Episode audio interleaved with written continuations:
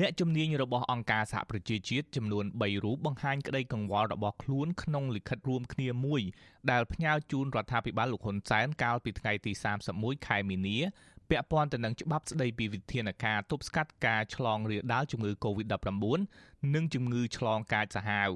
និងប្រកបដោយគ្រោះថ្នាក់ធ្ងន់ធ្ងរផ្សេងផ្សេងទៀត អ្នកជំនាញរបស់អង្គការសហប្រជាជាតិទាំង3រូបលើកឡើងថាច្បាប់នេះផ្ដល់អំណាចដល់រដ្ឋាភិបាលក្នុងការរឹតបន្តឹងឬហាមឃាត់ការធ្វើដំណើរការជួបជុំការប្រតិបត្តិអាជីវកម្មនិងសកម្មភាពអាជីពមួយចំនួនក៏ដូចជាអំណាចក្នុងការទប់ស្កាត់ឬរដ្ឋបិទតំបន់និងទីកន្លែងមួយចំនួនផងដែរលើសពីនេះក្រុមអ្នកជំនាញ ក៏មានកង្វល់ពាក់ព័ន្ធនឹងការដាក់ទណ្ឌកម្មយ៉ាងធ្ងន់ធ្ងរនិងមិនសមមាត្រចំពោះបុគ្គលដែលមិនគោរពតាមវិធានការសុខភាពវិធានការរដ្ឋបាល និងវិធានការផ្សេងផ្សេងទៀតដែលមានចែងនៅក្នុងច្បាប់នេះ។ ក្រុមអ្នកជំនាញសិទ្ធិមនុស្សរបស់អង្គការសហប្រជាជាតិក៏ជំរុញឲ្យរដ្ឋាភិបាលពិនិត្យឡើងវិញលើច្បាប់ស្តីពីការទប់ស្កាត់ជំងឺ Covid-19 នេះដើម្បីធានានូវការគោរពតាមបទដ្ឋានសិទ្ធិមនុស្សអន្តរជាតិដែលការពារសិទ្ធិនិងសេរីភាពរបស់ប្រជាជនកម្ពុជាពួកគេទុកពេលឲ្យរដ្ឋាភិបាលផ្ញើលិខិតឆ្លើយតបក្នុងរយៈពេល60ថ្ងៃ ក្នុងអំឡុងពេលរងចាំការឆ្លើយតបនេះពួកគេក៏ជំរុញឲ្យរដ្ឋាភិបាលចាត់វិធានការចាំបាច់បណ្ដោះអាសន្នដើម្បីបញ្ឈប់ការរំលោភបំពានដែលត្រូវបានគេចោទប្រកាន់ទាំងឡាយអ្នកជំនាញរបស់អង្គការសហប្រជាជាតិទាំង3រូបមានដូចជាអ្នករាយការណ៍ពិសេសទទួលបន្ទុកសិទ្ធិមនុស្សនៅកម្ពុជា អ្នកស្រី Rona Smith អ្នករាយការណ៍ពិសេសផ្នែកសិទ្ធិជួបជុំដោយសន្តិវិធី នឹងការចងក្រងជាសមាគមព្រមទាំងអ្នករាយការណ៍ពិសេសស្ដីពីឯករាជ្យភាពនៃចៅក្រមនិងមេធាវីការបញ្ចេញប្រតិកម្មនេះគឺបន្ទាប់ពីរបបក្រុងភ្នំពេញបានបង្កើតច្បាប់ស្ដីពីការទប់ស្កាត់ការរីករាលដាលជំងឺ Covid-19 យ៉ាងប្រញាប់ដោយគ្មានការពិគ្រោះយោបល់ជាមួយភាគីពាក់ព័ន្ធដូចជាក្រុមអង្គការសង្គមស៊ីវិលជាដើមនិងដាក់ឲ្យប្រើប្រាស់ភ្លាមៗកាលពីថ្ងៃទី11ខែមីនា ច្បាប់នេះមាន6ជំពូកនិង18មាត្រាដើម្បីទប់ស្កាត់ការរីករាលដាលជំងឺ Covid-19 ហាមឃាត់សកម្មភាពពលរដ្ឋមួយចំនួន និងដាក់ទោសទណ្ឌដល់អ្នកល្មើសការធ្វើចតាឡេស័កនិងបិទតំបន់ណាមួយដែលមានជំងឺ Covid-19 ឆ្លងរាលដាលផងដែរសម្រាប់ទោសទណ្ឌវិញអ្នកកិច្ចវេះមិនធ្វើចតាឡេស័កត្រូវជាប់ពន្ធនាគារពី6ខែដល់3ឆ្នាំ រីឯអ្នកកិច្ចវេះការព្យាបាលឬលួចរត់ចេញពីកន្លែងព្យាបាលជំងឺនេះត្រូវជាប់ពន្ធនាគារដែរហើយបើអ្នកជំងឺនោះលួចរត់បណ្ដាលឲ្យឆ្លងអ្នកដទៃនឹងត្រូវមានទោសកាន់តែធ្ងន់គឺអាចជាប់ពន្ធនាគារអតិបរមារយៈពេល10ឆ្នាំអ្នកមានចេតនាចម្លងជំងឺ Covid-19 ដល់អ្នកដទៃត្រូវដាក់ពន្ធនាគារ5ឆ្នាំទៅដល់10ឆ្នាំ ហើយបើចេតនានោះធ្វើឡើងដោយមានការរៀបចំជាក្រុមឬមានអង្គការចាត់តាំងអ្នកនោះ នឹងត្រូវជាប់ពន្ធនាគារពី10ឆ្នាំទៅ20ឆ្នាំ។អាស៊ីសេរីមិនអាចតាក់ទងប្រធានអង្គភិបអ្នកណែនាំពាក្យរដ្ឋាភិបាលលោកផៃស៊ីផាននិងអ្នកណែនាំពាក្យក្រសួងយុតិធធលោកចិនម៉ាលីនដើម្បីឆ្លើយតបរឿងនេះបានទេដោយទូរស័ព្ទចូលពុំមានអ្នកទទួលចំណែកអ្នកណែនាំពាក្យគណៈកម្មាធិការសិទ្ធិមនុស្សរបស់រដ្ឋាភិបាល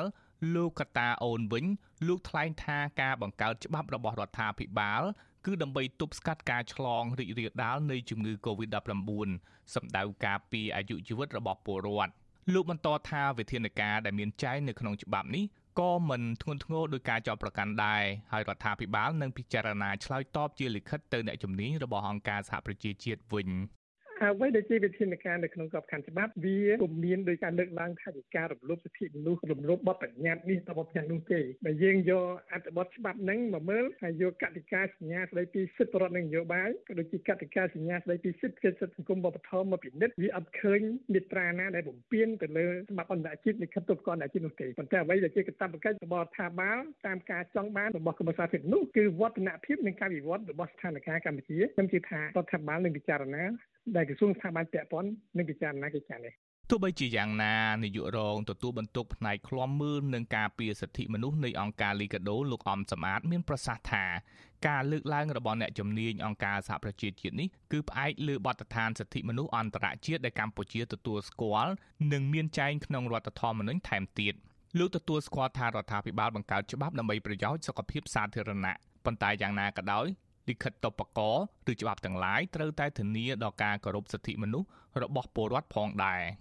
បាទខ្ញុំក៏នៅចិត្តទេគាត់ថាគេក្នុងនាមជាអ្នកជំនាញដែលធ្វើការតែជំនាញសិទ្ធិមនុស្សហ្នឹងគឺគេមានហេតុផលច្រើន ដើម្បីបញ្ជាក់ទៅលើបញ្ហាមួយចំនួនដែលគេអាចថាវាអាចប៉ះពាល់ទៅដល់សេរីភាពរបស់ពលរដ្ឋណាអញ្ចឹងអានឹងជាការលើកឡើងហើយនឹងការព្រួយបារម្ភទេប៉ុន្តែអ្វីដែលសំខាន់គឺរដ្ឋាភិបាលទេដែលលោកជាអ្នកពិចារណានោះបាទ មកទល់ពេលនេះទោះបីជារបបក្រុងភ្នំពេញកំពុងអនុវត្តច្បាប់នេះក្តីក៏អ្នកឃ្លាំមើលអះអាងថាការទប់ស្កាត់ជំងឺ Covid-19 នៅមិនទាន់មានប្រសិទ្ធភាពនៅឡើយប៉ុន្តែច្បាប់នេះកំពុងคล้ายជាឧបករណ៍ដើម្បីដាក់ទោសទណ្ឌធ្ងន់ធ្ងរទៅលើអ្នករិះគន់លើរបបក្រុងភ្នំពេញទៅវិញថ្មីថ្មីនេះតុលាការក្រុងភ្នំពេញបានចោទប្រកាន់និងឃុំខ្លួនយុវជនម្នាក់ ពីបទរារាំងដល់ការអនុវត្តវិធានការបង្ការជំងឺ Covid-19 តាមមាត្រា11នៃច្បាប់ស្តីពីវិធានការទប់ស្កាត់ជំងឺ Covid-19 ក្រោយពីបង្ហោះវីដេអូតាមបណ្ដាញសង្គមរិះគន់វ៉ាក់សាំងចិនយុវជនរូបនេះប្រឈមការពិន័យជាប្រាក់ពី2លានរៀលដល់10លានរៀលនិងអាចជាប់ពន្ធនាគារពី6ដល់3ឆ្នាំប្រសិនបើតុលាការរកឃើញថាមានទោសអ្នកជំនាញអង្គការសហប្រជាជាតិសង្កត់ធ្ងន់ថាវិបត្តិជំងឺ Covid-19 មិនគួរប្រើជាលេសសម្រាប់គៀបសង្កត់សិទ្ធិសេរីភាពជាទូទៅឬសិទ្ធិជួបជុំដោយសន្តិវិធីនោះទេពួកគេថាការរដ្ឋបិទសិទ្ធិសេរីភាពរបស់ប្រជាពលរដ្ឋត្រូវតែមានសមាមាត្រនិងភាពចាំបាច់ដើម្បីឲ្យស្របតាមស្តង់ដារសិទ្ធិមនុស្សអន្តរជាតិម្យ៉ាងវិញទៀតការដាក់ពិន័យជាប្រាក់ដ៏ច្រើននិងការដាក់ទោសក្នុងពន្ធនាគាររាប់សិបឆ្នាំនោះគឺបង្ហាញថាច្បាប់នេះមិនបានបំពេញតាមគោលការណ៍សមាមាត្រនិងភាពចាំបាច់ឡើយ។ អ្នកជំនាញរបស់អង្គការសហប្រជាជាតិយល់ថាអ្វីដែលរដ្ឋាភិបាលកម្ពុជា គួរខិតខំប្រឹងប្រែងធ្វើនៅពេលនេះគឺបង្កើនការផ្សព្វផ្សាយអប់រំឲ្យបានទូលំទូលាយនិងការផ្តល់សេវាថែទាំសុខភាពតាមមូលដ្ឋាន និងការផ្តល់សេវាចាំបាច់ជាច្រើនទៀតតាមយន្តការផ្សេងផ្សេងប្រកបដោយសមធម៌ខ្ញុំយុនសាមៀនអាស៊ីសេរីប្រធានាធិបតី Washington